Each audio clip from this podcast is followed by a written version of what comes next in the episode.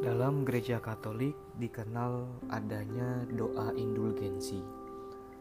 Dalam doa ini kita memohon kepada Allah rahmat pengampunan dan belas kasihannya untuk saudara-saudari kita yang masih berada di api penyucian.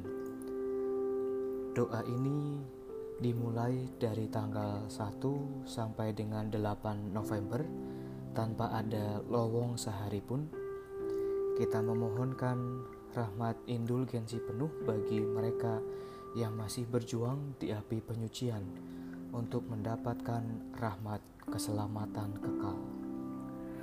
Dalam nama Bapa dan Putra dan Roh Kudus. Amin. Bapa yang Maha Rahim, percaya akan kasihmu yang tanpa batas bersama seluruh gerejamu pada hari ini kami mohon dengan sangat, lepaskanlah saudara-saudari kami.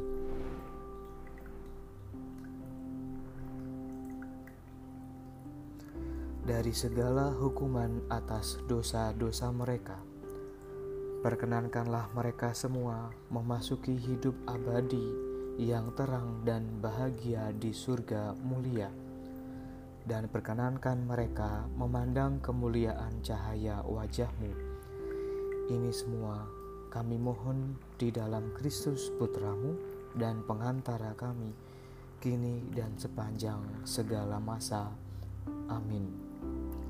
Aku percaya akan Allah, Bapa yang Maha Kuasa, pencipta langit dan bumi, dan akan Yesus Kristus Putranya yang tunggal Tuhan kita, yang dikandung dari Roh Kudus dilahirkan oleh perawan Maria yang menderita sengsara dalam pemerintahan Pontius Pilatus disalibkan wafat dan dimakamkan yang turun ke tempat penantian pada hari ketiga bangkit dari antara orang mati yang naik ke surga duduk di sebelah kanan Allah Bapa yang Maha Kuasa dari situ ia akan datang mengadili orang yang hidup dan yang mati.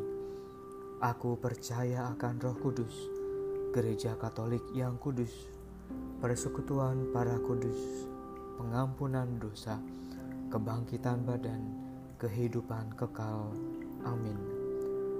Bapa kami yang ada di surga, dimuliakanlah namamu, datanglah kerajaanmu jadilah kehendakmu di atas bumi seperti di dalam surga. Berilah kami rezeki pada hari ini dan ampunilah kesalahan kami, seperti kami pun mengampuni yang bersalah kepada kami.